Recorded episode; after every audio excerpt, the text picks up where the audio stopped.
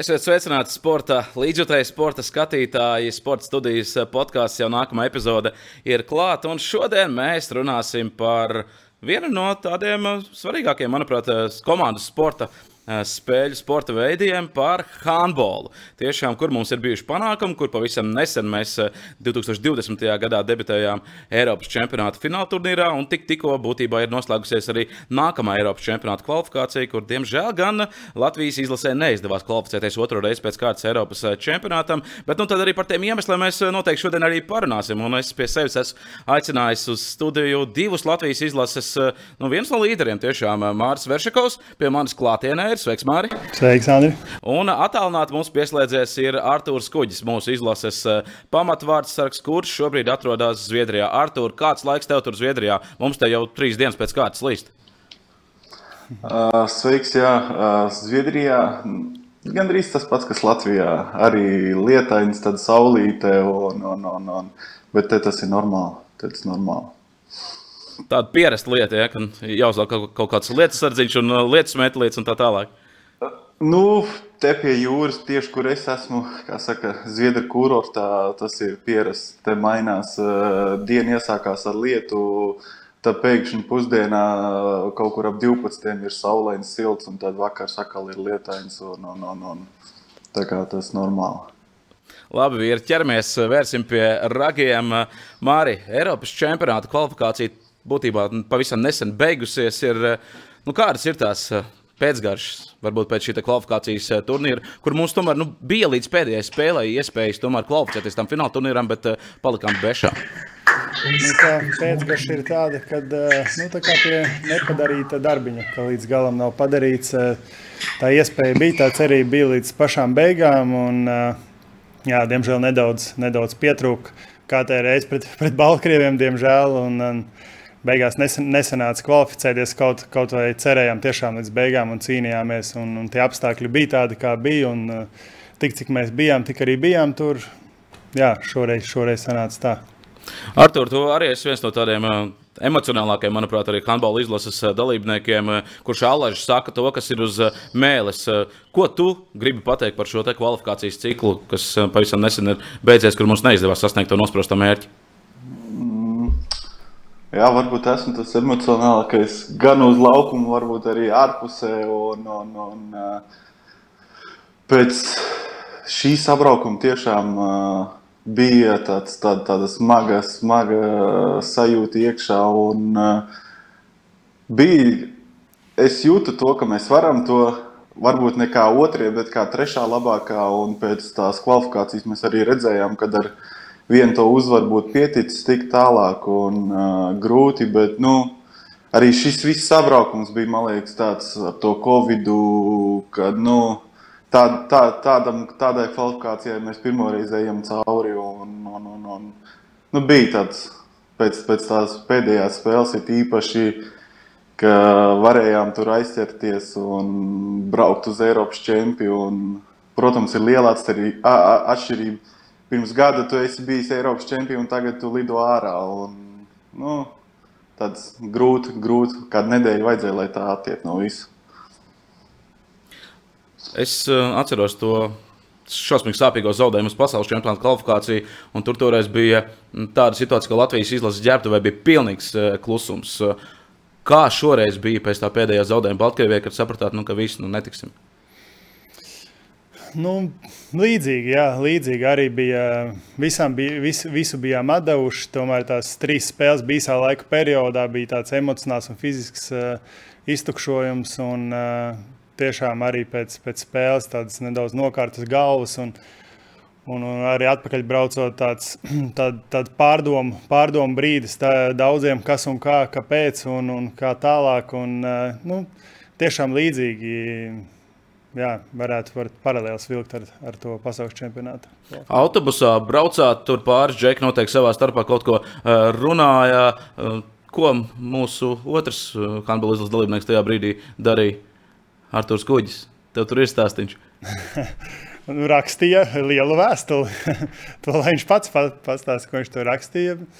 Uh, jā, Arthurs ir profesionālis, uh, dzīvo ar handbolu un, un uh, jā, viņš malacis, ka viņš izsaka, izsaka savu viedokli. Un, un, jā, bet, lai viņš pats varbūt pastāstītu. Jā, ar to pastāstīja. Tāda liela, gara vēstule uz, manuprāt, četrām A4 lapām nonāca tādā handbola apritē. Šķiet, ka tas bija domāts federācijai, kur tu uzrakstīji visas savas domas par šī brīža situāciju vispār, ne tikai kvalifikācijas ciklā, bet vispār handbolā. Ja? Uh, jā, tas, tas nebija varbūt konkrēti par šo, šo tieši sabraukumu, bet uh, tas bija manas pārdomas, sāpes un uh, kas notiek handbolā Latvijā. Zin, kā, lai, arī, lai arī Latvijā jau nesmu cik gadus ne, nespēlēju, bet eh, tāpat es tam visam sekoju līdzi. Un, un, un, eh, tie, tie, tas bija tāds. Eh, to, kā mēs esam iepriekšējos desmit gadus dzīvojuši eiforijā, solījumos, un, un kad nekas netika darīts, lai kaut kas mainītos. Un, un, un, un, un šī, pa, pa šī brīža situāciju, ka kaut kas ir jādara. Un, tas nebija kaut kāds varbūt zin, tur uz federāciju, ka, nu, ka viņi neko negrib darīt, bet lai ir jauna federācija mums šogad pirmo gadu un varbūt tagad atkal kaut kas mainīsies, lai viņi beidzot uh, sāk kaut ko darīt. Lai nav tā, ka tīri atsēž savu laiku un uh, varbūt kādam no tā kāds labums, varbūt nē. Bet, nu, jo mums tie cilvēki, tie jaunieši ir ar ko strādāt un uh, iespējas aizbraukt būtu. Bet nu, tur ir arī vajadzīgs federācijas darbs, un, un, un tas bija, tā bija tāda vēstule. Gan no manas puses, varbūt tur arī pievienojās citi izlases spēlētāji. Un, es to iniciatīvu uzņēmos un uzrakstīju. Nu, bija, bija grūti, bija grūti, jo mēs varējām tur būt, bet tagad esam tur, kur esam. Un, ja kāds domā, ka mēs pavisam viegli no turienes tiksim ārā, tur, kur esam, tā nav. Jo nu, daudzas Eiropas valstis izlases, kuras kuras grib spēlēt Eiropas čempionu, viņi tagad apzinās, ka uh, tā iespēja ir tik laba spēlēt tur, un viņi attīstās, iegūst tur naudu jauniešos, uh, izaugsmē, treneros un visur. Un, un Beļģijas apsies tagad Kosovai. Viena komanda spēlēs Eiropausos, Final Four, un visi, visi tiešām iet to ceļu un uh, dara. Bet, nu, mums tie pēdējie desmit gadi, kā saka, mēs dzīvojām uz uh, uh, ASK un Daņa lauriem. Un, un, un, un, un tagad mēs redzam, kas notiek, kad uh, ASK Māris un visi Aivis un Evars, visi tie, kas, uh, kas savu laiku jau ir nospēlējuši, kad aiziet, nu, neko jau pārmest nevar tiem jaunajiem džekiem, kas nāk vietā. Vienkārši viņiem nav tā pieredze un nav bijusi tā iespēja trenēties. Tādi, tā, tas, kas bija ASK, un, un, un, un, un tiešām uh, respekts, lielākais paldies tiem džekiem, kas atrod laiku gan no darba un ģimenes, kas, kas strādā dienā 8 stundas un atbrauc uz izlasi un cīnās ar Champions League džekiem. Es to nevarētu. Es to nevarētu. Tiešām es esmu tam gājis cauri un es saprotu, kas ir dienā strādāt 8 stundas un tev jātrenējās. Un, jāatrod laiks vēl aizbraukt uz izlasi. Es noteikti nebūtu tas, kas esmu tagad, ja es to katru dienu darītu. Un tiešām respekts tiem džekiem. Un, uh, bez viņiem mēs arī nevarētu tādu Eiropas čempionu uzspēlēt, ja nebūtu tāda džeka, kas, uh, kas atbrauc palīdzēt. Mēs tādu sastāvu pat nevarētu savākt. Un, uh, Un, un, un, bet nu, ir pienācis laiks kaut ko mainīt. Es ļoti ceru, ka uh, jaunā federācija to sapratīs. Un, un, un kad es redzēšu, kad ir izaugsms, ka no manas braukšanas uz izlasi ir vēl, kad es varu, ka tam ir vērts kaut kas, nu, ka priekš, priekš kaut kā es strādāju. Un, un, un es ļoti ceru, ka kaut kas mainīsies un kaut kas tiks darīts. Mārtiņ, tu izlasīji ļoti ilgu laiku tas, ko Arthurs teica par tiem pēdējiem desmit gadiem, ka īstenībā nekas nav mainījies. Mēs esam nu, dzīvojuši uz uh, vecā ASK bāzes. Tā tiešām ir. Nē, šobrīd esam nonākuši tādā nezinu, padibieņa malā, vai es nezinu, kā to precīzāk pateikt. Es jau, es jau personīgi esmu, un es varu nosaukt vēl spēlētājus, arī vecos spēlētājus, kas ir bļāvuši jau pirms gadiem, pieciem, sešiem, ka mums vajag pēc iespējas ātrāk to um, profesionālo klubu, līdz, līdzīgu ASK.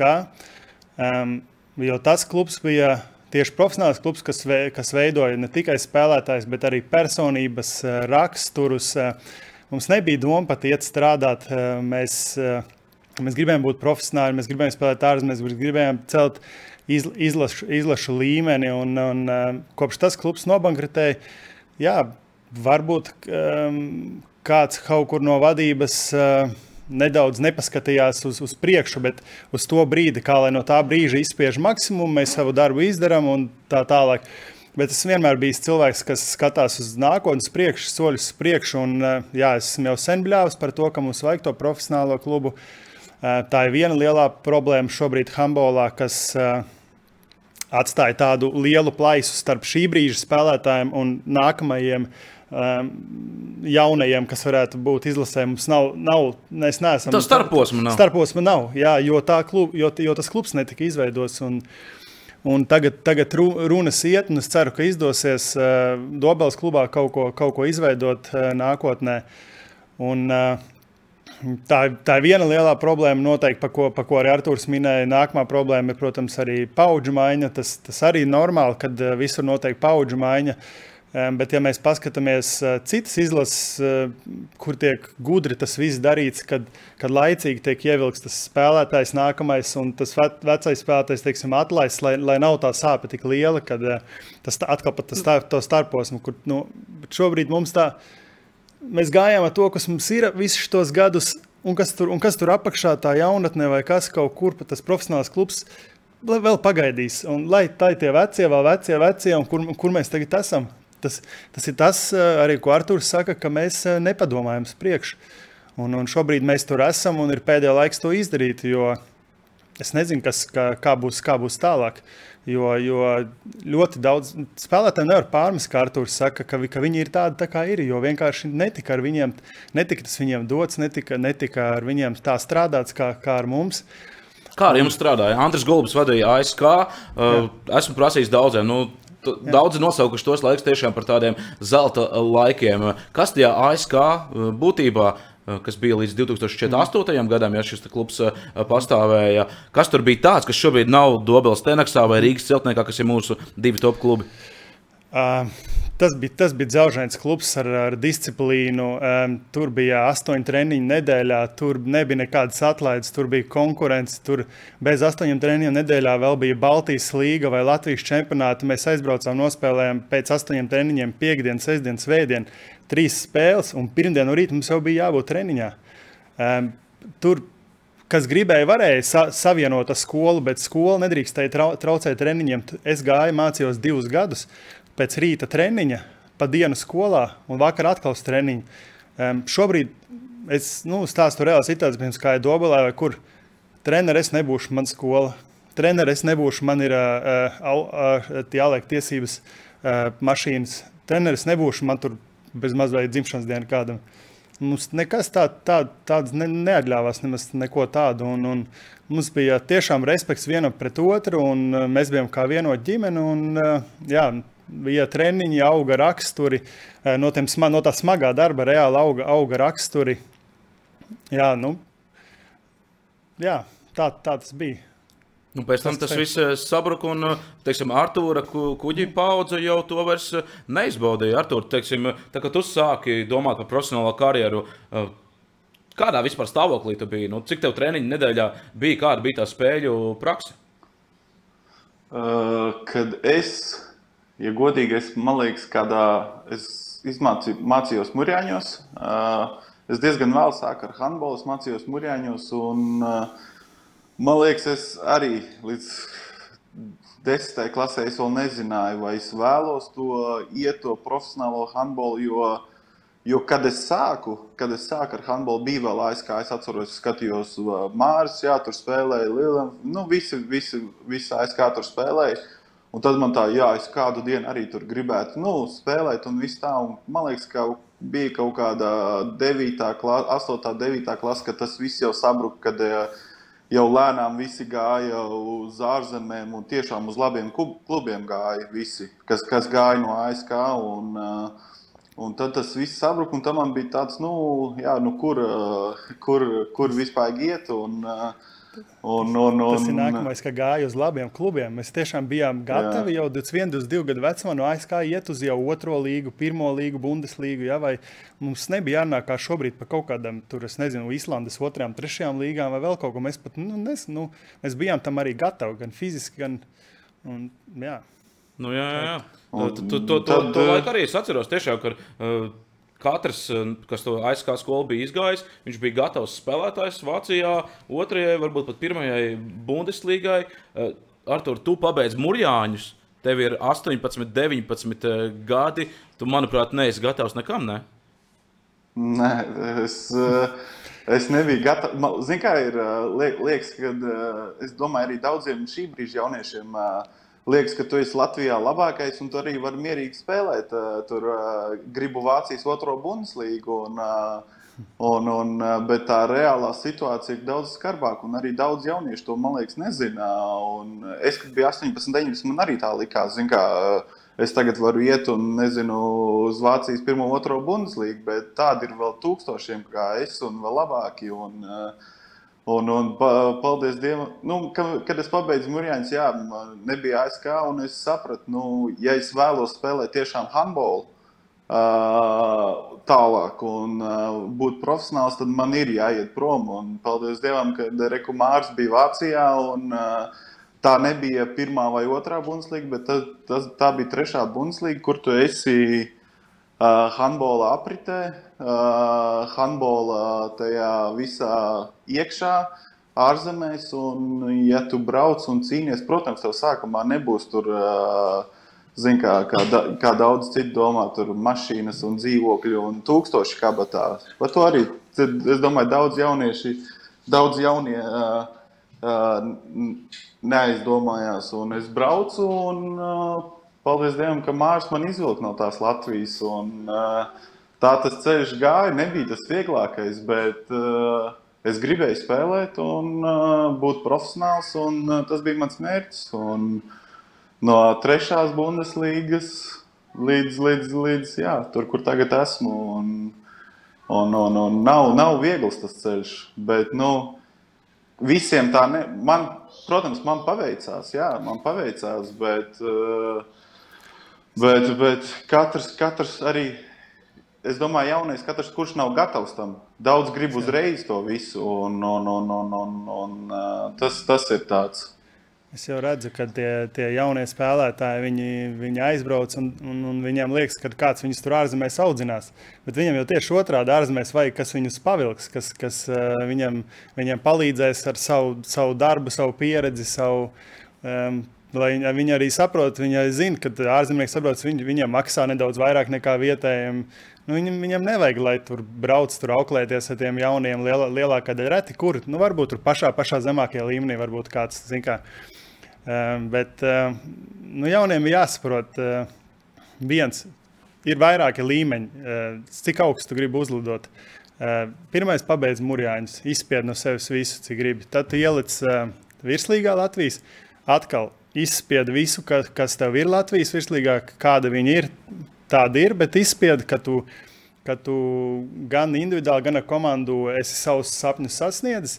Tad nāk nākamais līmenis, kad aizies uz ārzemēm. Atkal ir jāsāk pilnīgi no jauna. Tu, tu, tu nevajag domāt, ka tu kaut kas baigi esi, ja tu esi Latvija, Latvijas čempions vai kaut kas. Tev atkal ir jānogriež tas viss un atkal jāsāk no jauna. Un tad, tad ir vēl, tuvā, ja, ja mēs tuvojamies jau League līmenim, vēl tur ir. Uh, visu laiku nemitīgs darbs, un visu laiku tev ir jābūt piezemētam, ja tu kaut ko gribi sasniegt. Par izlases rezultātiem. Um... Es vēl gribēju atgriezties. Es pats veidoju sižetu par handbola problēmām. Nekvalificējāmies Eiropas čempionātam. No vīri tik daudz zvanu, ziņas, eh, gan atbalstošas, gan pārmetošas. Es nekad neesmu saņēmis pa nevienu sižetu, kas man tiešām bija jānoklausās no dažādiem eh, handbola eh, cilvēkiem. Un tas galvenais nu, jautājums vai pārmetums bija tāds, ka es atbalstot jauno vadību, vai gluži otrādi cits zvana, ka es atbalstot veco federācijas vadību. Tur tiešām jums tajā iekšējā sulā ir tik lieli strīdi starp tiem vīriem, kas vadīja Handbola federāciju pirms tam, kas bija Gunts Ciematnieks un Renārs Lītis, un tagad, kur ir Normons Blomi. Ne, nu, es nezinu, viņi tur savā starpā varbūt kaut ko, kaut ko nav sadalījuši. Um, kaut kādas varbūt privātās lietas, bet, uh, manuprāt, būtu forši, ja visi koncentrētos uz tieši uz handbolu un, un, un risinātu tās problēmas, kas, kas šobrīd ir. Un, uh, es, es... Nu, kādas kļūdas, teiksim, pieļāva vecā vadība? Tie tīri runājot, varbūt jā, viņiem bija tas Eiropas čempionāta fināla turnīrs, eh, kas ir nu, ļoti liela zvaigznīte. Mēs viņam varam, varam piešķirt par to, ka mēs tikām tajā Eiropas čempionāta fināla turnīrā. Bet eh, kas varbūt bija tās lietas, kuras kārtīgi buksēja? Uh, nu... Respektīvi, gan šī vadība, gan vecā vadība par mani runājot, visu, ko solīja, man, man izpildīja. Tieši par mani, pa, pa mani personību. Um, runājot, ko es apkārt dzirdēju no spēlētājiem, mm, cik tur, protams, taisnība, cik nav, to es nezinu.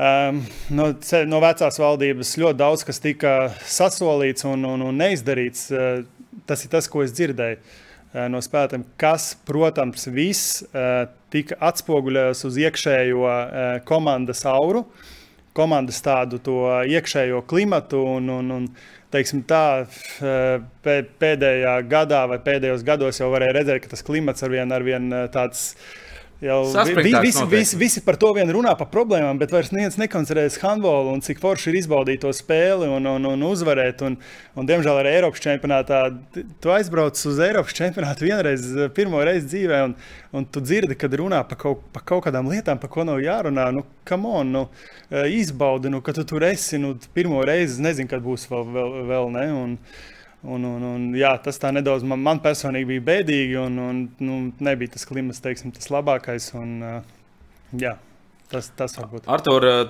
vecās vadības sasniegums Eiropas čempionāta fināla turnīrs, tas vispār ir jāsauc par tādu sasniegumu iepriekšējai vadībai? Vai vadībai? Es uzskatu, ka nē.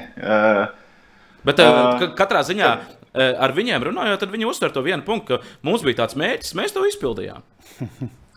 Nē, zinu, ka uh, es, kad uh, mana debija izlasē, bija 18 vai 19 gadu vecumā. Es debitēju izlasē. Un, uh, Tie ir desmit gadi atpakaļ, un uh, tur ir gan uh, izlases vadībā, gan mainījušies prezidenti, gan, gan tas, un gan sekretāri, un gan vadītāji, un viss tas. Un tas nav tikai, nezinu, tur. Uh, zin, kā, pēdējo gadu laikā, tas ir desmit gadu laikā.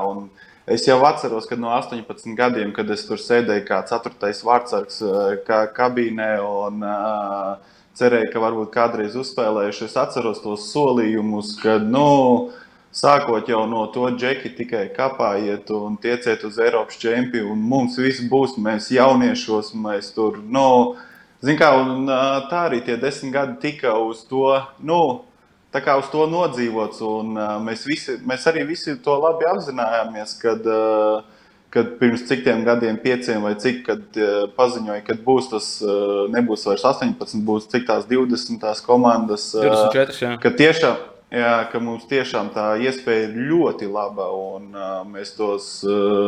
Pirms, pirms trim, četriem gadiem mēs visu laiku bijām tiešām ļoti tuvu un uh, mēs apzinājāmies, un mēs uz visus to gājām. Un, uh, un, un, un, uh, jā, bet nu, tie, kas visvairāk jā, tā, tā sāp, ir, ka tie, tie solījumi tiešām bija lieli. Un, uh, Zin, kā, es nevaru arī pārmest uh, tiem iepriekšējiem uh, vadītājiem. Varbūt tiešām viņi kaut ko darīja. Nu, mēs, mēs to neviens nezinām. Varbūt viņi tiešām gāja tur un uh, runāja. Un, uh, jā, mums vajag profesionālu klubu un jauniešu, bet nu, es neko tādu neesmu dzirdējis. Nu, kad tā, kaut kas tāds ir noticis, varbūt tiešām tur ir. Tev ir jā, jārunā ar viņiem, un viņiem ir jāsauc konkrēti vārdi, pie kā viņi ir gājuši un runājuši. Un tad varbūt var iet tālāk, prasīt, nu, kāpēc nu, neviens to neatbalstīja, lai būtu apakaļ tāds ASK, lai, lai celtu to Latvijas līmeni, lai mums tiešām tiem jauniešiem būtu iet, kur un ko darīt un, uh, un augt. Un, uh, bet es neko tādu neesmu dzirdējis. Un to, ka vecā vadība tie, tas nu, varbūt nav tikai viens, bet ir desmit gadi. Un, uh, ka tas ir viņu nopelns, es teiktu, ka nē. Tas ir, tas, tas konkrēti ir, kā saka, Andra Gulbja, ASK laika nopelns un Daņa. Un, un, ja mēs skatāmies uz reālo situāciju, ja mums tagad būtu daži jaunieši tādi, kādi, ja viņiem būtu tā ASK situācija, ka viņi tie profesionāļi, viņi koncentrējās uz savu darbu un visu to, un būtu Dainam palīgi, divi, trīs uz laukumu vēl iespējams, mēs tos Baltkrievus arī mājās būtu uzvarējuši. Neviens jau nezina. Tagad, tagad mēs varam gudri domāt, un, uh, kā būtu bijis. Bet uh, es vismaz tam domāju, un ticu, ka tā varēja būt, ka mēs arī tos Baltkrievus varētu uzvarēt. Jo tāds kāds mums ir. Kāds mums, lai arī kādu profesionāli mēs esam izlasē, mēs, mēs noteikti esam top 5 Eiropā pēc tās komandas ķīmijas, kā mēs uh, kāda mēs esam kā komanda, ka mēs cīnāmies, lai arī kāda mēs esam, kad mēs cīnāmies, un, un, un, un, un ja mums būtu tā profesionāla līmenis augstāks, mēs noteikti arī būtu tur, kur mēs visi vēlamies. Un, un, un, un. Bet tas, ka tas ir federācijas nopelns, es, es to neredzu. Es neredzu, kad. Ar, Artur, piedod, ka es tev pārtraucu. Man šķiet, ka tā problēma varētu būt tāda, ka mēs pārāk tiecāmies uz to Eiropas čempionāta fināla turnīru, ka izvirzījām to pa galveno mērķi un aizmirsām par to, par to piramīdas apakšiņu, ka arī ar to ir jāturpina strādāt. Ka, jā, izlasē, protams, ir tā ir vizītkarte, tā ir redzamākā seja, bet aizmirsām to apakšiņu. Protams, tā, tā, tas, tas pats galvenais. Tu apsies, cik ir liela tā starpība, cik tas posms tagad ir liels, kad uh, aizies, aizies nu, Mārs jau savu darbu, jau savu ieguldījumu izlasē atstājis. Visu cieņu. Varu, es ceru, ka viņš vēl nospēlēs piecus gadus, bet nu, esam, es zin, kā, nezinām, kā būs. Nē, nu, zin kā. Un, uh, bet, nu, tā ir tā reāla situācija. Tas, tas, tas, tas nav tas vidus, tas, tas, tā starpība ir milzīga. Un, uh, tur jau tā lieta, ka uh, iepriekšējā vadība ir koncentrējusies tikai uz to, lai mēs tiekam uz to Eiropas čempionu. Uh, tā, tā apakša tur ne, netika sakārtota. Tiešām nu, tur ir daudz jautājumu, kāpēc, kāpēc tā. Jo tā jauniešu situācija ir bēdīga Latvijā. Nu, tiešām bēdīga.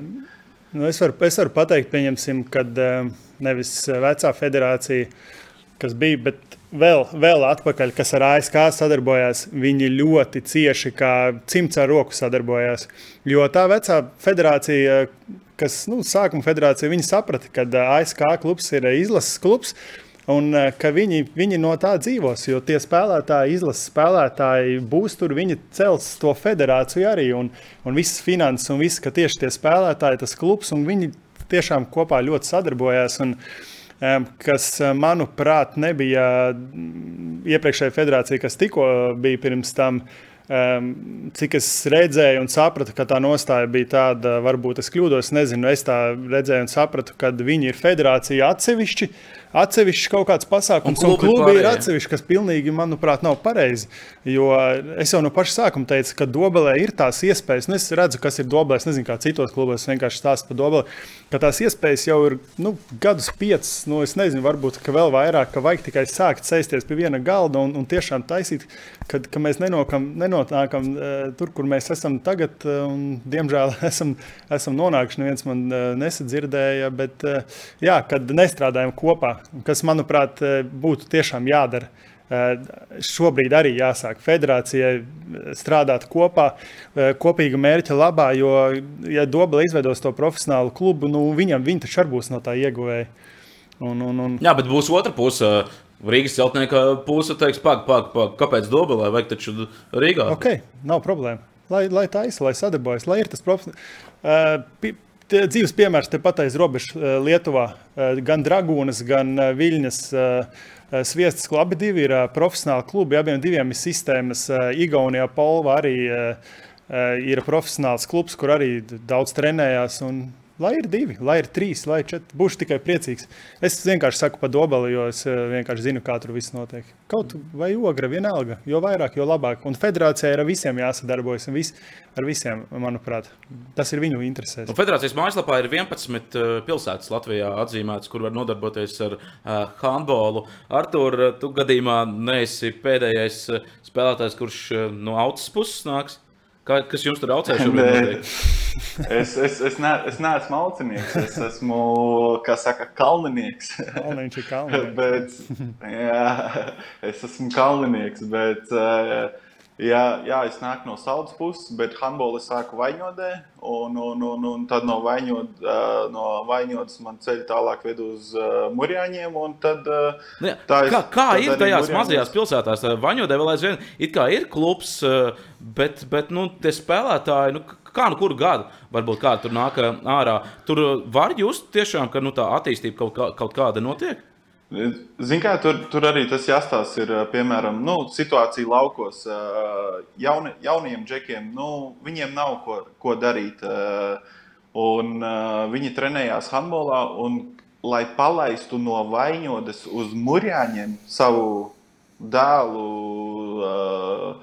Trenēties, nu, tas, tas nav arī nav lēts pasākums. Tas viss, un daudz vecāki arī to nevar atļauties. Nu, aizlaist uz murjāņiem. Un, Un, un, un piemēram, arī situācija jauniešos, ja, ja viņš trenējās un viņam tas jauniešu sabraukums ir vienreiz mēnesī, nu, viņam ir kaut kādas citas tās nodarbes. Tur, zin, kā citiem svarīgāk tagad ir pie kompīša pasēdēt, uzspēlēt, un uh, viņam tas vairs nav interesanti. Un, uh, un tā kā Mārcis teica, ja būtu dobelē kaut kas līdzīgs kā murjāņiem, vai ka jaunietis tur var aiziet vainota dobeli ir jau tuvāk nekā mūrjāņu. Un tad jau viņš varbūt vecāks var uz, uz, uz dobeli palaist.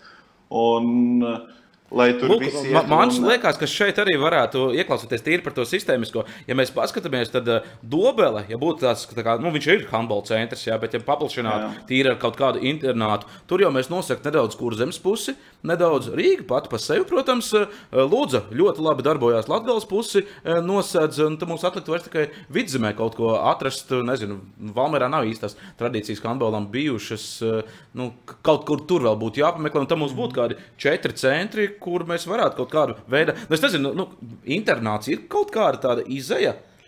Uh, jā, man, manā skatījumā, jo vairāk, jo labāk. Tāpēc, nu, piemēram, to, to pašu Vāciju. Nu, es zinu, kā citās valstīs, cik, cik ir interne, internāti. Uh, tieši precīzi nepateikšu, nu, tur kādi 20 kā minimums, ja, ja ne vairāk. Zem katra Bundeslīgas kluba ir internāts. Un, un, uh, jā, internāts, sava, sava sporta klase. Tu zini, ka tu trenējies tā kā, tā kā mūrjāņos līdzīgi divreiz dienā, un jo vairāk centra tāda tiešām, jo, jo labāk. Manā skatījumā. Tas atkal ir darbs. Katrs klubs eh, jāstrādā, jāiet kopā pašvaldībai, eh, klubam, eh, federācijai, jādomā, kā to izveidot skolai. Tas atkal ir darbs. Mēs šobrīd esam nonākuši pie tā, tā, tajā līmenī, kur ir jāstrādā, jāstrādā visiem kopā un jāstrādā. Un mazāk teiksim, jāstrīdās savā starpā, kurš tur varu, varu pārņems vai vēl kaut ko. Nu, nav tas nevienam vajadzīgs. Nu, to, no tā cietīs tikai paš, pat, paši, pats handbols. Pavisam drīz jau ir pašvaldību vēlēšanas. Tas parasti tas laiks, kad uh, var izsist kaut ko no pašvaldībām, ka pašvaldības ir gatavas sasolīt kaut ko. Es dzirdēju, ka šobrīd vairāk nāk pretī tieši par kaut kādām šāda veida idejām attīstībai. Pats ir pieminējis, ka Doblē tas dzirdēs, ka kaut kas notiekās. Eh, es esmu dzirdējis, eh, kad, kad par to runās un, un, un eh, kad, kad to grib izveidot. To es noteikti neesmu, protams, neesmu. Uh, teiksim, nezinu, nezinu, cik tālu viņi ir tikuši, bet esmu dzirdējis, ka grib kaut ko tādu internāta tipu izveidot, un, un, un kad, kad cilvēks strādā pa, tos, pa tiem solījumiem, gan nezinu, kurš, kurš tur ko vairāk sola, bet es ceru, ka handbols tiks atbalstīts arī turpmāk Dobelē un, un ka paliks tā handbola handbol pilsēta Latvijā. Veču mēs spēlējām Eiropas čempionāta fināla turnīrā. Bija liels bums. Tiešām. Mums ir pasaules handbola superzvaigznes Dainis Kristapāns, kurš ceru vēl nospēlēs vairākas sezonas mūsu izlasē. Mēs izmantojam to placdarmu tīri kaut kādā uzņēmēju piesaistē, pašvaldību piesaistē, ka nu, padarījām interesantāku varbūt to handbolu, lai, lai, lai nu, kaut kāds papildus atbalsts būtu, vai tas būtu no pašvaldībām vai uzņēmumiem. Artur. Nu, Man liekas, cik, cik viss tika runāts pirms tās braukšanas, un uh, nu, es to bumbu nejūtu. Es to bumbu, lai arī kur es biju, es, es viņu nejūtu. Un, uh, tiešām tur varēja, varbūt tika darīts, mēs jau neviens nezinām. Kā, varbūt tur ir jāiet pie ciematnieka un vai pie kāda cita un jājautā, ka viņš var parādīt, ka viņš ir gājis un darīts, un varbūt tas atbalsts nebija, bet nu, es to visu nejūtu. Un, uh, un tiešām tā situācija, tur es domāju, no tādas situācijas varēja izspiest daudz vairāk. Es atvainojos.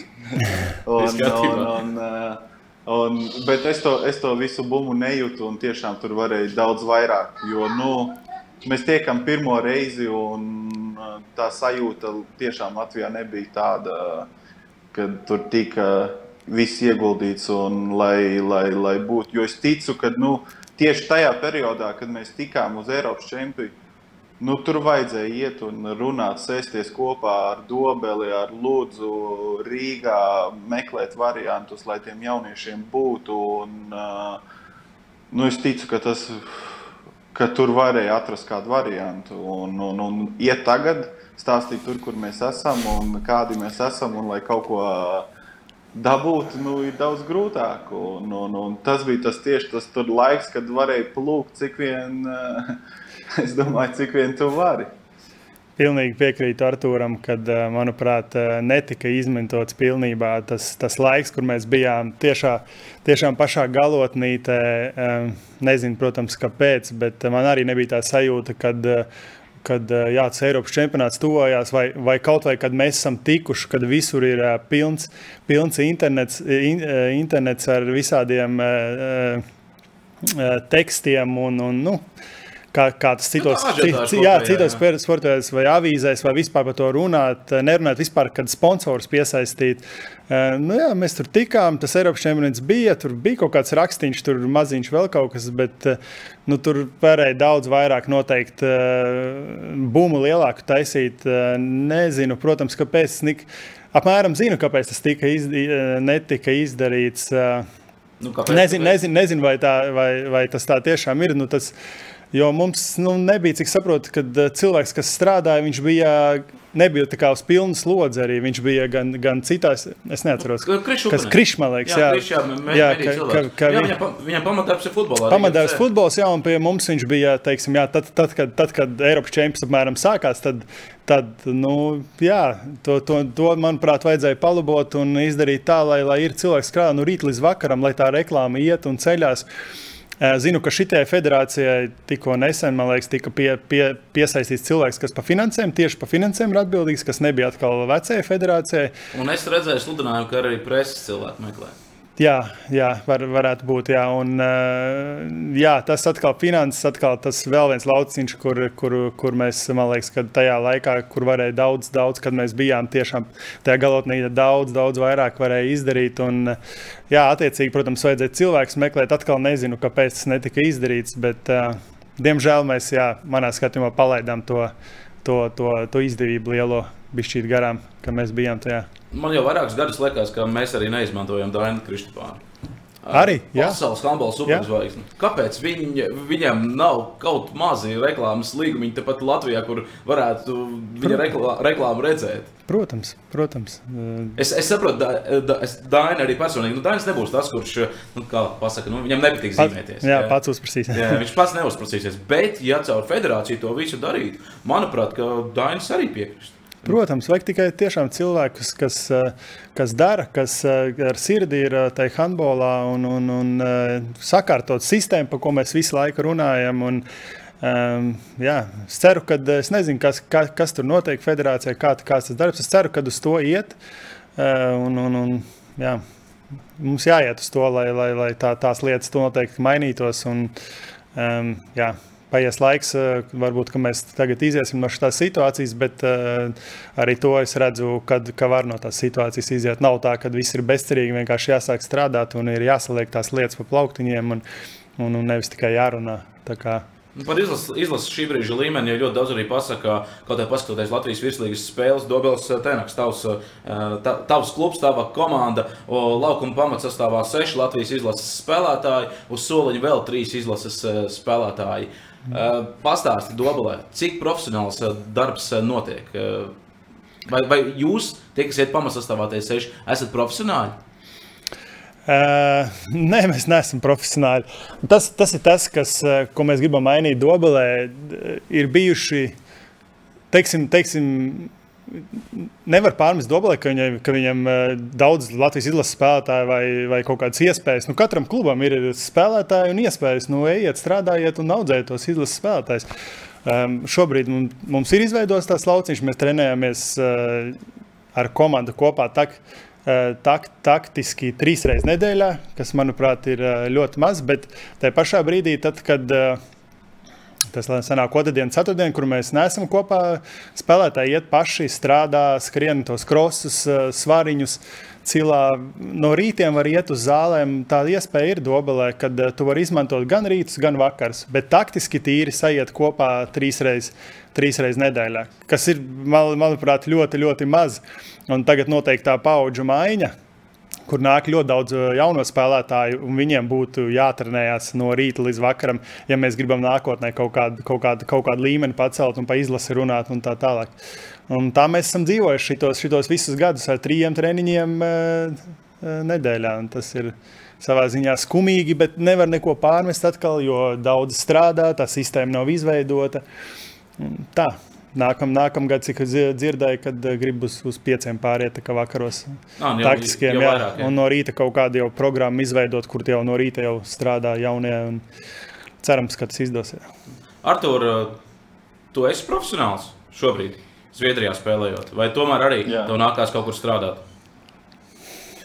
Uh, es varu saukt sevi par profesionāli, bet uh, es arī strādāju. Un uh, man darbs netraucē treniņiem un uh, koncentrēties handbolam un uh, strādājot pie. Saka, pie brāļa, un, un, un, un, un, bet nu, tas man pilnībā neko netraucē. Es esmu profesionāls. Nu, tu varētu strādāt, un varētu arī nestrādāt. Jā, nu, principā. jā es varu, es varu, jā, varētu. Bet uh, brīžiem ir, ir labi, ka, ka ir no tās pašas mājas, ir no bišķi no handbola atslēgties. Un, un, un, un, uh, protams, es nevarētu darīt fizisku darbu, kā daudzi to dara Latvijā, bet uh, tādu, kādu šobrīd daru, es, es varu un uh, es varu saukt sevi par profesionāli. Um. Tava, tava, tava tā pieredze, Mārcis, trīs treniņi nedēļā šobrīd Dobels Teneksam ir, cik es esmu arī redzējis jaunos spēlētājus. Par profesionāļiem uz ārzemēm kaut kur tiek tikai tādi, kuri papildus individuāli strādā. Tava paudze ar to, to darīja, jo no tavas paudzes, nu, atvainojiet, man diezgan maz spēlētāji ir izauguši par profesionāļiem. Ja, ja kādu brīdi bija, tad vai, tagad jau ir beiguši. Nē, nu, tur, tur, jau, tur jau tā lieta, ka uh, es ticu, ja būtu bijis tāds ASK vai, nu, ka jauniem džekiem ir kur pēc murjāņiem iet un uh, tos 3-4 gadus vēl tiešām sevi pilnveidot mm. un uh, padarīt sevi pa veici, lai tu aizietu un, uh, Trūkstās un spēlētu. Ja spēlētu, tad, uh, tad noteikti būtu bijuši. Noteikti ir tajos pašos 90. gados, 92, 94. Būtu bijis ne jau, ne, nevis, ne jau no katra gada, tur 6, 7, bet mums būtu pietikuši ar uh, diviem no katra gada gājuma. Un, uh, un es esmu vienīgais, jā, kas palicis profesionāli. Un, un, un tā ir tās, šī brīža situācija, kas ir tā bēdīgākā. Un, uh, es labprāt arī gribētu. Jā, daudziem jauniem Latvijas džekiem, cik es paskatos, arī kad atbrauc uz izlasi, kad Andrejs piesauc, piesauc klāt kādus jaunos no Lūdzes, vai kāds no Rīgas atnāk, vai no Dobeles. Tie jaunie mums ir. Viņi ir un viņi, viņi varētu būt labi, bet ar viņiem ir jāstrādā. Es labprāt viņiem gribētu palīdzēt uh, varbūt jau tagad, 18 gados pēc mūžiem, kaut kur uz ārzemēm vai šeit uz Zviedriju. Bet es esmu bijis jau pārunās ar Stefanu Olsonu, esmu bijis pārunās.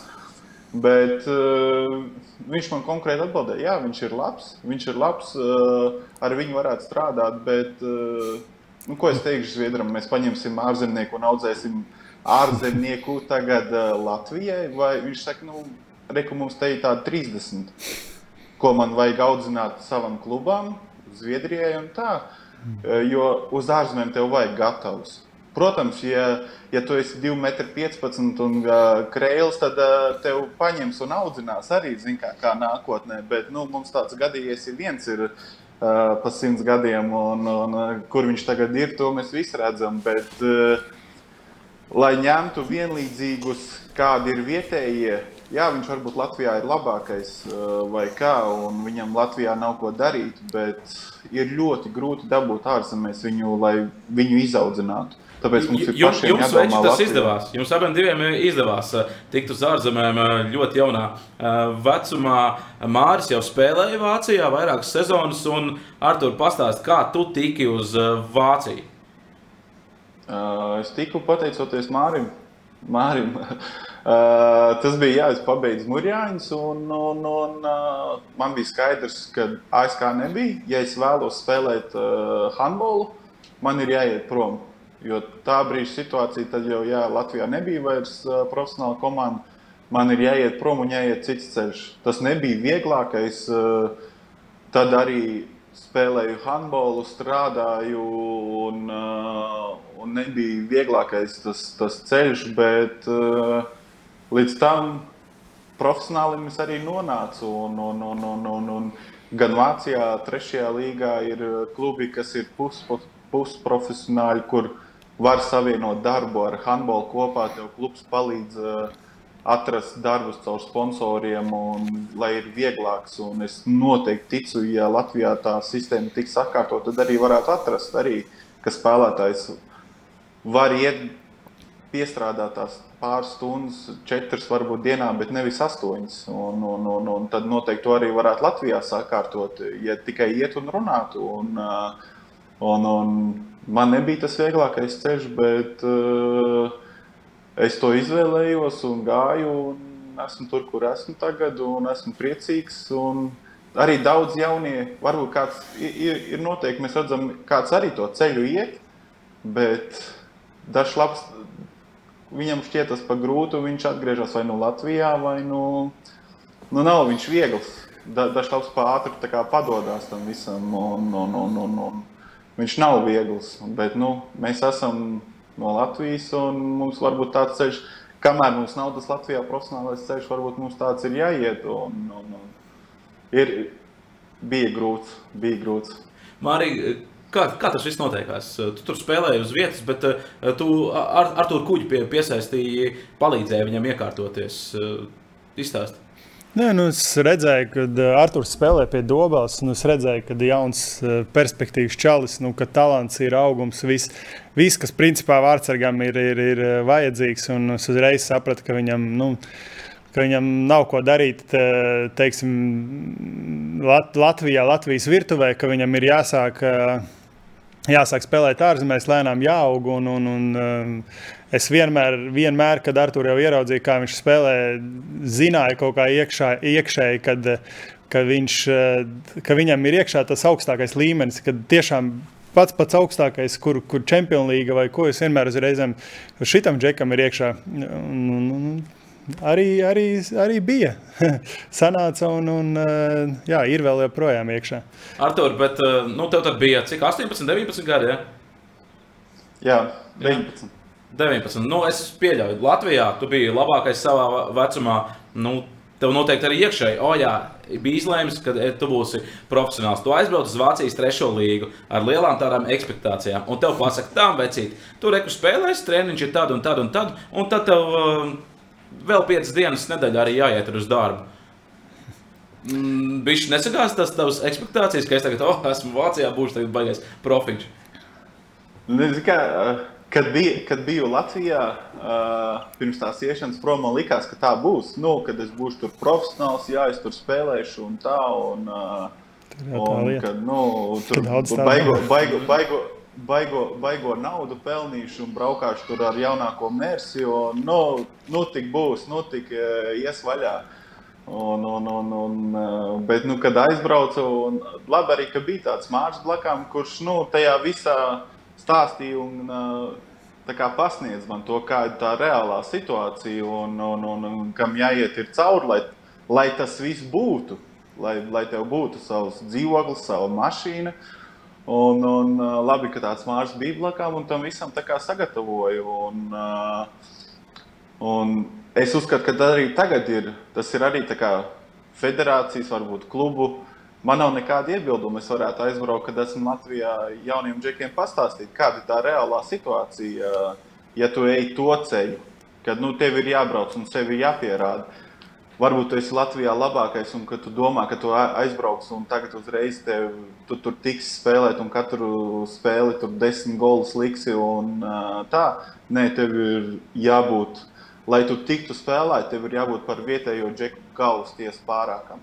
Un, un tāda Tā, tā, tā tikai viss sākās. Un, un, un, un, tad tev Vācijas trešajā līgā bija jāstrādā paralēli. Kāda bija tie pirmie darbi, Jā. kas tev, kas tev bija jādara, kad atbrauc uz Vācijas līniju, ko tam ārsts mm. izkārtoja? Viņam bija ne tikai jāstrādā, viņam bija jātiek vēl vāc, tā kluba vācu vārdsargam garām, kas, Jā. kas viņš neatbrauca kā uzreiz kā pirmais numurs. Tur arī bija liela konkurence un visādas ne tikai handbola spēlītes, bet arī, ko tu Latvijā nesastopies, arī aiz, aiz muguras visādas spēlītes. Un, un, nu, nu, gāja tā tīri karsti, jā. bet Artur Malicis izturēja. Un, nepadevās. Un... Tur jau tā lieta. Bet nu, tas darbs ir, ko tev, ja tu ej uz Vācijas trešo bundeslīgu vai arī kaut kur citur, nu, tas darbs ir tev no sponsora kaut kā piemeklēts un, un, un tās stundas, cik tev tur jāstrādā un, un valoda jāmācās. Valoda tiešām ir svarīga. Cik es pats esmu gājis cauri, tagad arī jā, esmu apkārt tajā situācijā, ka tu zini to valodu, tu esi tajā tev vieglāk ir spēlēt. Tu jau saproti, ko džeki runā, un tu vari pasēdēt ar viņiem ģērbtuvē pēc spēles, pēc treniņiem, pirms treniņiem iziet ārā. Ir daudz vieglāk, un tā valoda ir arī jāmācās vēl papildus. Saprast arī to, ko tev aiz muguras runā. arī, arī, arī nu, protams. Un, un, un, un, un, ir, ir. Un mums, piemēram, arī ko es esmu saskāries situācijā, kā bija Norvēģijā, pirmajā līgā, kad, piemēram, kad es aizbraucu uz pārbaudas to nedēļu, kad nu, es biju kā, atrādīties nedēļu.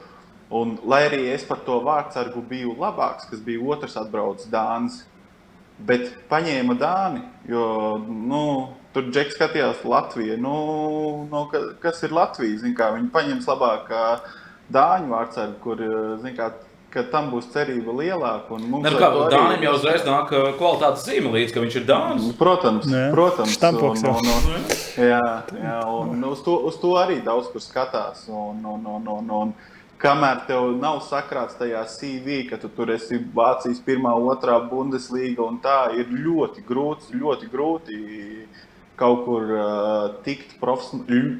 uzreiz profesionāļos. Viņi labāk paņems uh, Dāni kaut kādu jauno pieņemu šeit, Zviedrijā vai kur. Jo nu, viņš, jā, viņš ir no Dānijas un, un, un, un nekā Latvijas. Ar to es arī esmu saskāries. Un, un tas ir tāds.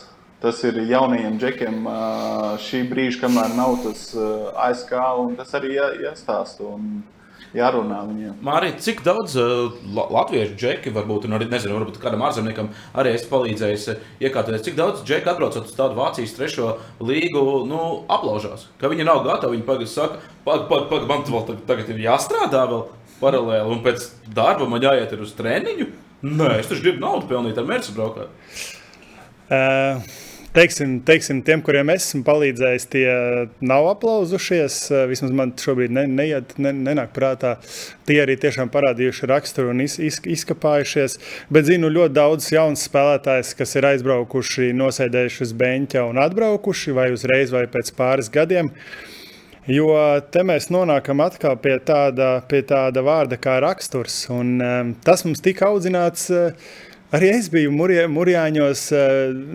Parasts, parasts teiksim, puika. Nu, kas, kas nu, parasts, parasts puika, ne tev raksturs, nekas, nu, pelda kaut kur. Nu, bet ASK režīmā, tajā sistēmā, kur mums bija jācīnās ar smagiem treniņiem, ar spēlēm, ar ļoti daudz ko, un tur mēs uzzinājām to, to raksturu. Un es uzskatu, ja pēc ASK būtu jau tāds uh, klubs izveidots, tad daudziem jauniem, kas šobrīd ir aizbraukuši, atlauzušies, um, viņam tas raksturs tik, tiktu, būtu, būtu izaudzināts. Tas norūdītāks būtu. Jā, jā. Nor, norūdītāks būtu. Un, tagad es dažiem jauniem uzprasu, nu, tu kaut kāds ir mērķis, tur braukt uz ārzemēm. Reāli skatos, nu, daži, nu, daži varētu mierīgi pēc pāris gadiem, ja iziet tā normāli patrenētos pāris gadus.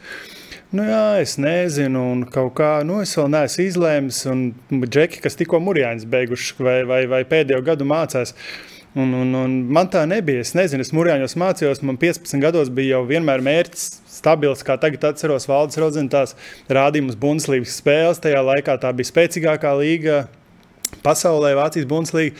Es reiz tas mans mērķis, es, es gribu tur spēlēt 15 gados. Un, un, un es gāju uz to, un es arī sasniedzu. Es arī spēlēju pirmajā Bundeslīgā.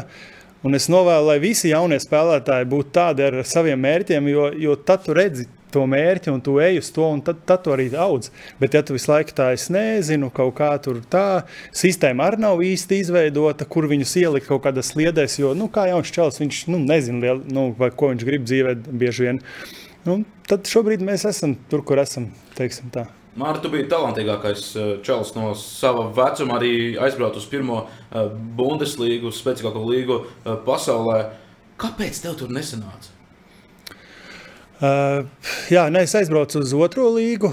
Un, un, un, pēc tam pēc, pēc tam tikai es paliku rezultātīvākais otrajā līgā, rezultātīvākais uh, vārtu gūšanā, un uh, tad man paņēma pirmo līgu. Uh, bija tā, ka uh, klubs bankrotēja vienkārši bankrotēja un uh, sezon, teiksim, sezonas vidū nācās meklēt jaunu klubu. Nu, ir grūti, kad, uh, kad tu aizēji jauns čels, man bija 22 gadi, ir, ir grūti, kad uh, tev tas pusgads bija, bija dots, ja, un, un, protams, ka jauns čels man tur neviens nedeva 60 minūtes. Uh, Eh, spēlēt. Man vajadzēja rakt tās 15 minūtes, 20 minūtes. Tāpat es uzskatu, ka eh, es no treneru lielu uzticību dabūju jaunam čalim nospēlēt 20 minūtes. Bundeslīga arī ir jāuzticas. Un, 22 gados. Un tajā pusgadā sanāca, jā, kad eh, nu, nebija tā Bundeslīgā tās brīvās vakances nevienam, kur, kur ielikt pie kāda cita kluba. Man bija jāiet atkal solīt atpakaļ uz otro līgu. Kaut arī man bija divu gadu līgums principā pie Tusem Essen, toreiz, toreiz kluba. Un tad es aizgāju uz otro līgu, kur, kur, kur, kur, kur, kur klubs arī bija mērķis stabils. Viņi bija laikam otrajā, otrajā vietā, un viņiem bija obligāti jāuzkāpj uz, uz pirmo līgu. Un, un, un tur bija arī liels spiediens, un, un treneris tur vienkārši tur mainīja spēlētājus, viens iekšā, ārā, viens tribīnēs. Skatos, jau ārzemnieks nopirkts vēl viens, un nu, visu laiku šī, šī tā zina, kur spiediens, kur, kur liels naudas, liela mērķi. Un, un, Jā, tad uh, mēs uzkāpām uz pirmo līgu. Un, jā, viņš teica, tu esi nedaudz pa jaunu. Priekš pirmās līgas man bija 23 gadi. Tad jau viņš teica, jā, es gribu ar tādiem jau 30 gadniekiem. Nu, nobriedušiem, nobriedušiem jā, tādi, kas jau, jau zina, kas un kā, pa, pa kādu lietu. Un, tad arī atnāca 30 gadnieks viens. Uh, un, un, jā, man nācās meklēt tālāk klubu. Tad es atkal otrajā līgā atradu klubu. Tā es par to līgu kaut kādus piecus gadus nospēlēju, pa, pa otro līgu. Un, un tad es izlēmu, ka es sākšu eh, mācī, eh, mācības arī paralēli. Un, un, jā, tā arī aizgāja, teiksim, lēnām. Trešajā līgā mēs jau tagad arī runājām, ka ir jāstrādā paralēli principā visiem. Otrajā līgā tie jau ir visi profesionāļi, kas otrajā Bundeslīgā spēlē. Nav tā, ka profesionāli ir arī kas strādā, bet tie darbi ir tādi, ka tu vari tiešām spēlēt handbolu. Vai nu tu strādā četras stundas, vai nu strādā kaut kādu biroju darbiņu, kur, kur teiksim, nav tik daudz fiziski, bet jā, ir pakārtots handbolam vairāk tas darbs. Bet nav tā, ka visi, visi profesionāļi. Un, Arī trešajā līgā ir profesionāls komandas, kuram, kuras grib ilgus gadus uzkāpt uz otro līgu. Viņiem nesanāk visādi. Ir spēlē labāk, labāk tā komanda, kur strādā džeki, nekā tā profesionālā komanda. Jo, jo nu, visādi sanāk, kad netiek galā ar to spiedienu spēlētāju. Jo, Kārtos saka, viņam ir kur, kur, kur, kur atslēgties, teiksim, tā darbiņš kaut kāds. Tāpēc jau saka, ka profesionālam sportistam vajag hobiju.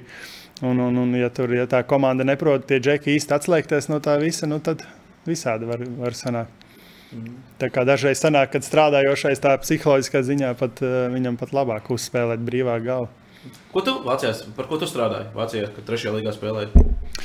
Uh, trešajā līgā es, es mācījos. Es četrus gadus uh, nomācījos. Man tur bija jāmācās uh, no rīta teiksim, līdz kaut kādiem nu, astoņiem stundām. Gan es katru dienu man nepietika spēka strādāt. Uh, bija gadi, kad uh, vienkārši apnika, teiksim, es biju profesionāls, bet man apnika mājās sēdēt, es, kaut kā brīvu galvu jādabūna, kaut kas pēc handbola būs jādara dzīvē, un, un vienkārši aizgāju pie sponsora. Saku, nu, iedomā, ka četras stundas dienā tur pie tevis ielaid, pastrādāt un pa kaut ko citu redzēt. Un, un, un tad es pastrādāju, visu kaut kur es tur pastrādāju, es atceros. Artur, kā tev pieredze bija, eh, kad tu vēl spēlēji Vācijā, Vācijas trešajā līgā un nācās vēl paralēli strādāt? Kādi bija tev darba uzdevumi? Darba uzdevumi, ko es esmu strādājis par daudz ko. Pie, pie viena sponsora esmu braukājis ar mašīnu apkārt. Eh, konkrēti Grošos, tad es biju pie Mercedes sponsora uz servisu vai uz fa fabriku veidu rezerves daļas bet uh, es biju vienkārši šofers. Un, un, un, un, uh, bet nu, tiešām nu, nu, nav tie darbi, tur uh, nezinu. Ļoti reti esmu dzirdējis, ka tur fiziski grūts, un varbūt arī pats esmu ir bijis darbs, ka fiziski grūts, bet nu, aiziet un parunāt un pateikt, tev atradīs un iedos kaut ko, kaut ko vieglāku vai kā. Un, uh, Un, bet, ši, bet, bet šī, bet, manuprāt, nu, ir, ir, tā nianses, ko ļoti daudz sportisti, ne tikai handbolā, bet arī citos sporta veidos, īsti nesaprot, ka viņi visi grib būt pilna laika profesionāļi. Es darīšu tikai to, tikai to. Bet būtībā, ja tu atrodi nu, normālu darbiņu, paplašināt savu redzesloku, tas pat tev var nākt par labu arī tajā laukumā. Tieši tā, jā.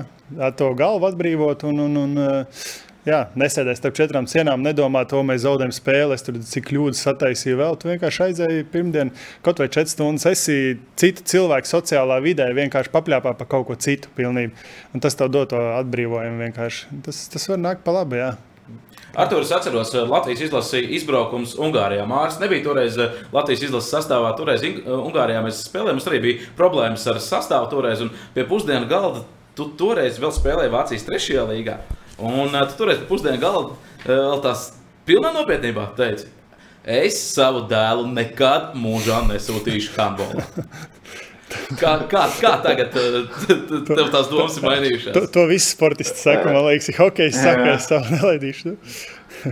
Zikā, uh, protams, es, man tagad ir dēls, un uh, es viņam nevarēšu pateikt nē.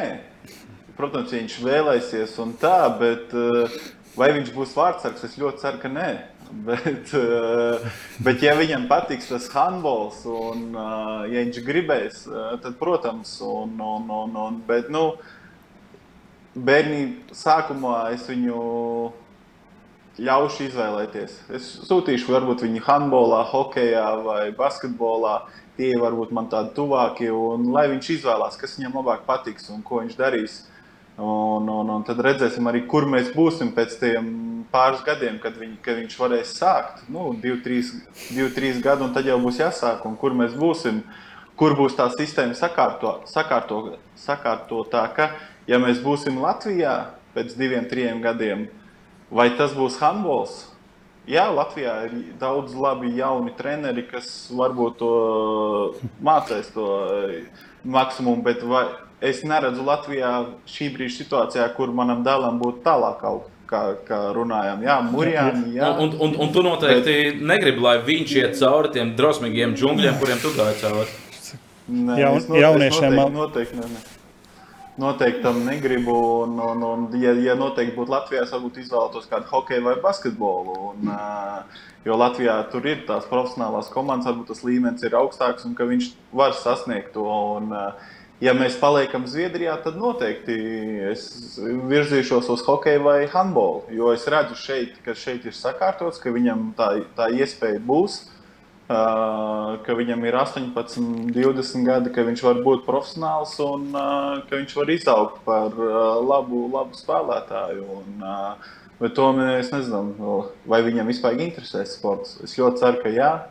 Un, ja tas būs handbols, tad viņš nebūs vārdsargs viņš, būs, viņš, būs krē, viņš būs krēls un divi Div, divi pieci. un, un, un, uh, un tā kā tā būs jāved daudz pie daņa, lai mācās. Un, uh, jā. Bet, nu, Latvijas, Latvijas sistēma, zin kā, es, protams, arī negribu teikt, un varbūt kāds vecāks tagad dzirdēs, bet, nu, bet tas arī tāds tā kā motivācija varbūt federācijai. Nu, Tiešām, ja viņi grib piesaistīt tos jauniešus, un, un, un, un lai ir, tad nu, ir jāsāk laiks kaut kas sēdēt kopā un darīt, un lai būtu. Ja, ja es redzēšu, ka kaut kas tāds notiks, tad tos jauniešus, tos bērnus arī varēs. Ja viņš redzēs pa televizoru, ka Latvijas virslīgā ir, kā es agrāk PLTV 7, varēja redzēt ASK spēlē Baltijas līgās. Tagad nu, tā, nav, tā nav iespēja. Un vecākam tas arī tas ir. Arī tos pašus vecākus ir vairāk tajā visā jāiesaist. Tas nav tikai bērnu palaist uz treniņu, un tu tev ir brīvs rokas uz divām stundām. Kā tas notiek Vācijā, Zviedrijā, Francijā, visur. Tie vecāki tajā procesā, procesā arī ir iesaistīti. Viņi nāk uz to zāli, viņi ir, viņi ir ar to bērnu kopā, viņi redz to izaugsmi un, un, Jā, vai un, un nopietnas darbs notiek, notiek. nenotiek? Jā. Ja tā ir Jā, taisnība, ja šobrīd ir jauniešiem ir četras komandas Latvijas eh, jauniešu līgā, nu, tad piedod man, kaut kas reiz gājis greizi. Eh, Manā laikā bija vismaz desmit. Eh, Bija tādas pilsētas kā Madona, Olaina un, un, un, un, un, un, un tas ir lauciņš, kur noteikti uzreizēm tagad ir jāsāk, jāsāk stipri likt krāt, lai mēs, lai mēs nākotnē nu, būtu mums tie spēlētāji. Jo nu, četras komandas, nu, es nezinu, nu, diezgan, man liekas, diezgan pamats izkla- izklausās.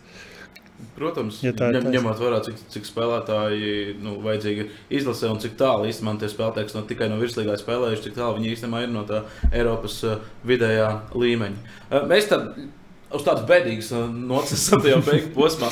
Es gribētu vēl no jums dzirdēt kādu interesantu stāstu no tām zemajām līgām, kur jūs uh, darbojāties Vācijā, kur spēlējāt un sit, sitāt sev vietu zem saules. Māri? Interesanti stāsts. Uh, grūti pateikt, tā uzreiz nenāk, nenāk prātā, kā, kādu tieši tu interesantu stāstu gribi. Nu, gribi tā, ka- kaut kādu šoku, ka tu aizbrauc. Pieņemsim, tu aizbrauc tur 22 gadīgs čalis uz uh, Vācijas otro bundeslīgu. Ja? Un kāds tev bija tāds pirmais šoks? Nē, nu, Pirmkārt, kultūras šoks, nu, tas, tas, ka tu valodu nezini. Un, un, uh, nu, man bija pirmā pusgada, es izbraucu vēl uz angļu valodu, pēc tam teica, man, ja tu gribi palikt, tad sāc mācīties vecīt. Un, paldies Dievam, es pa pusgadu jau, jau varēju runāt vācu valodā, nu, vismaz saprast kaut ko, izteikties kaut ko. Cik zinu, Francijā vispār tur ar pusgadu pat, pat nepietiks. Ingers, Ingers teica, ka tur uzreizēm prasa to franču valodu. Ja kāds izdomās Franciju braukt, uh, Bet nu, ko, kop, kopumā viss, nu, tas, tas ēdiens ir iespējams, ka varbūt savādāks nekā, nekā nevis iespējams, bet ir katrā valstī savādāks. Un, un, nu, visādas tradīcijas, un viss tev ir jauns, teiksim tā. Bet nu, tu malies, eh, kas varbūt, ko, ko varbūt var ieteikt jauniem spēlētājiem, nebūt, eh, kas bieži lat, latviešiem ir, eh, nebūt kautrīgam un iet ar viņiem, integrēties, eh, darīt tiešām tajā ķīmijā iekšā, t- gan valodā tu pieliec un eh, sāc labāk runāt, gan eh, vienkārši integrējies ātrāk. Nevajag noslēgties, tā, tā ir pirmā kļūda, ko var izdarīt. Ja tu esi, tad tu, tad tu zini, ka tu tur esi un ka tu tur paliksi kādu laiciņu un ej, ej un dzīvo vienkārši. Tev pašam nebija grūti, ka tu aizbrauc kā tāds liels talants, 22 gadu spēlēji, otrajā Bundeslīgā ļoti labi spēlēji, pēc tam tik uz pirmo Bundeslīgu, un tad uh, bāms, trešā līga, trešā līga, trešā līga, trešā līga. Mm -hmm. Kad tu saprati, ka nebūs? Uh, nu, man bija tas, uh, teiksim, tā, kas varbūt man pietrūka manā laikā, ka man blakām uh, būtu kāds cilvēks, kas uh, kaut vai aģents vai kaut kas, kas tajā laikā. Šobrīd aģentu ir daudz, kas arī uz Latvijas lauciņu skatās un, un palīdz, eh, kas pamācītu, pastāstītu. Varbūt ne šobrīd vēl uz to pieņemsim pirmo līgu, bet paspēlē nedaudz otrajā līgā, un tad atnāks tas piedāvājums labāks. Pat. Man, man sanāca ļoti ātri uz augšu un tikpat ātri arī uz leju. Eh, Kas vienkārši pas, paskat, pateiktu, tajā komandā tu īsti neiedaries. Tā ir aizsardzības piemēram, komanda. Tu esi vairāk uzbrucējs. Um, pamēģini tajā komandā, pamēģināsim tikt. Un, un visādas tādas maziņas niansītas, kas man izveidotu to karjeru lēnām, bet, bet stabili. Jo man sanāca tā, hops augšā, hops lejā. Un jau kaut kad jau tā apetīte lēnām sāka zuk, teiksim, zust. Man jau kaut ko 27 gadi, 26, 27 bija, tad es jau sāku domāt par skolu. Kaut kāds piecus gadiņus es tur jā, pat padzīvoju par to profesionālo otro, pirmo līgu, un, un, un baigi ātri man tas sanāca, un, un tas, tas teiksim, baigi ātri arī jā, aizgāja. Teiksim, pietrūka, tas, tas, tas pakāp pa trepīti to palēnām iet augšā. Nu, Vācijā nodzīvoja desmit gadus. Tagad es atgriezies Latvijā. Kāpēc tas lēmums? Daudzi, ļoti daudz mūsu, kas Vācijā nospēlē, viņi arī tur ir palikuši. Uh, no paša sākuma jau esmu teicis, ka es vēlos atgriezties mājā. Un vienmēr esmu arī, teiksim, nav nekad bijis tā doma. Vienmēr esmu braucis, cik spējis uz izlasi, mājās pie vecākiem. Visu, visu pakārtojis, lai kad es atbraucu, lai man par daudzām lietām nav jādomā. Un, jā, vienmēr to esmu gājis. Un, jā, te, te es arī esmu atgriezies un uh, esmu laimīgs. Un, kad par šo lēmumu divu gadus jau sanāk, jau jā, divi gadi jau paskrēja, uh, kā esmu mājās un vispār nenožēloju. Um, jā, daudz, daudz ir palikuši. Daudziem ir teiksim, ģimenē daudz bērnu, tur labs darbs, tur, tur visādi tādi iemesli, kur, kur palikt. Bet, um, ļoti daudz arī zinu, kas, kas vēlētos atbraukt, varbūt atpakaļ, bet vienkārši tā situācija dzīves eh, tāda ir, ka viņiem tur jāpaliek. Un, uh, nav tā, ka uh, visi, visi tur aizbrauc un ir laimīgi. Teiksim, tā, un, un, un, un, jā, Pats izmācījies Vācijā, ko izmācījies, un vai Latvijā šobrīd to pielieto? Es zinu, ka tu esi ar fizioterapiju eh, Jā. saistīts, un eh, tas arī tas tāds eh, nākamais mērķis, ko tu gribētu darīt turpmākajā dzīvē. Jā, es uh, izmācījos par fizioterapeitu. Mans lauciņš ļoti interesēja. Biju arī, uh, teiksim, gāju visus tos gadus. Uh, Uh, uz to arī, kad es izmācīšos, un kad arī Latvijā varēšu tajā jomā strādāt. Un, diemžēl, diemžēl nesanāca. Uh, Tas bija diezgan sāpīgs sitiens atbraukt ar vācu papīru, un ka tev nepieņem viņu Latvijā. Nu, savā, katrā valstī savi noteikumi. Un, un, un, jā, bija tāds nedaudz bēdīgs un domāju, ko darīt tālāk. Strād... Vācijā jau bija nostrādājis fizioterapeits kaut kādus četri gadi, laikam, sanāca četri, pieci gadi. Un, un, patika ļoti dar, darboties tieši masāžu lauciņā, kā fizioterapeitam. Tāpēc izdomāju, ka uh, mācīšos tālāk eh, Latvijā pa masieri, Sarkanā Krusta koledžā, strādiņu filiāli. Un, Un, un, un, jā, tagad jau vasarā divi gadi paskrējuši. Jau... Jā, bet, bet, bet, bet to tu dari tikai tāpēc, ka eh, tev cik, gadus Vācijā nomācījies? Lai, lai man būtu papīrs, lai es varētu strādāt. Cik gadus Vācijā nomācījies? Četrus? Uh, četri gadi. Jā. Ja četrus gadus tu nomācījies, tu dabūji vācu papīru, atbrauc uz Latviju, laimīgs ar ģimeni, pārvācies atpakaļ. Jā. Un tev pasaka, ne, ne, ne, Māri, tev tas papīrs nedara. Ja? Diemžēl tā ir. Jā, mm, jā bija arī nedaudz, nedaudz šokēts, bet uh, cik esmu palasījis un skatījies. Kad, uh, Eh, ne man, vien, ne man vienam tā iet. Ļoti daudziem tā ir, tā ir bijis, kad nepieņem to ārzemju papīru. Eh, nezinu, ka tāda iekšējā birokrātija un eh, tāds jā, iekšējais savi likumi un tā. Un, un, un, diemžēl tā sanāca. Jā, bija jāiet tālāk, jādomā citi, citi ceļi.